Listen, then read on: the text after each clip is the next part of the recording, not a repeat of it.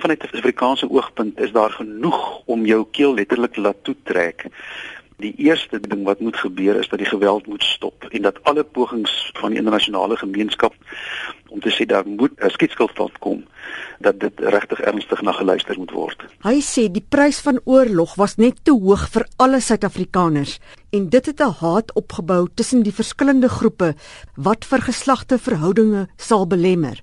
Hy glo Hamas kan nou die bewering dat hy 'n terroriste organisasie is verkeerd bewys deur te onderhandel. Deur die skietstilstand te honoreer en dan om die bestaan van Israel te erken. Na die Israeliese kant toe wil sê die aanvalle moet stop.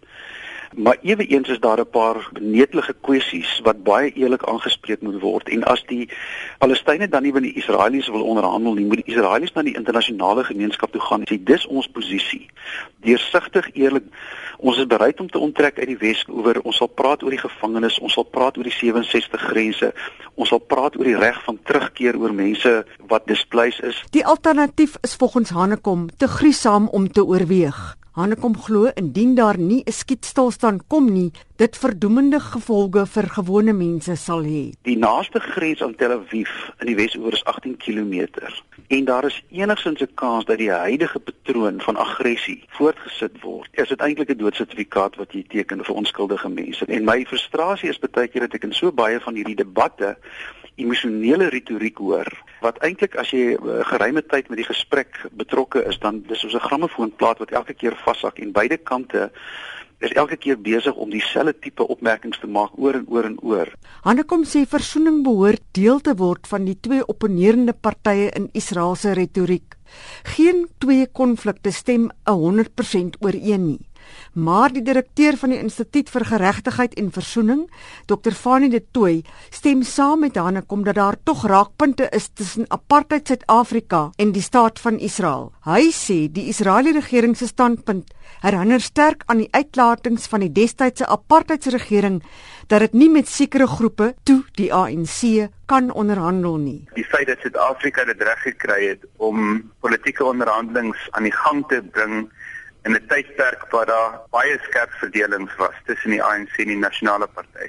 Hoort 'n aansporing te wees vir die Israeliese regering dat dit moontlik is om met Hamas te onderhandel en ook moet mense sê vir Hamas om te sê ons moet Israel aanvaar as 'n staat en ons behoort met hulle te onderhandel. Die partye stry oor eienaarskap van 'n klein stukkie grond. Politieke oplossing op die oomblik is om die groepe van mekaar te verdeel uitmekaar uit hou fisies met 'n muur wat gebou word. Nou ons het in Suid-Afrika ontdek dat dit onmoontlik is dat ons interafhanklik is op soveel maniere as mense wat 'n stuk grond deel dat dit onmoontlik is om groepe kunsmatig uitmekaar uit te hou. Dit is egter steeds die politieke oplossing op die oomblik. Dit toe sê die mense in die Gaza-strook is uitgedryf uit die gebied wat nou Israel is. Hy sê die feit dat daar groot internasionale rolspelers is, maak die situasie anders as die waarin Suid-Afrika was.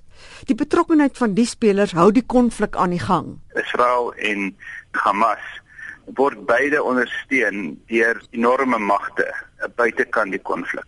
Amerika is wel bekend dat dit vir Israel hulp verleen op verskeie fronte en Hamas kry weer van ander bronne hulp.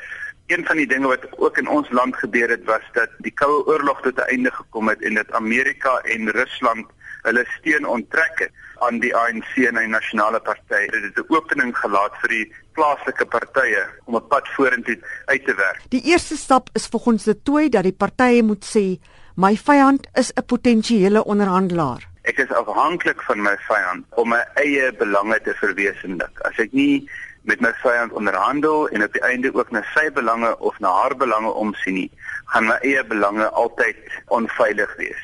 Stap wat die Midde-Ooste nog nie geneem het.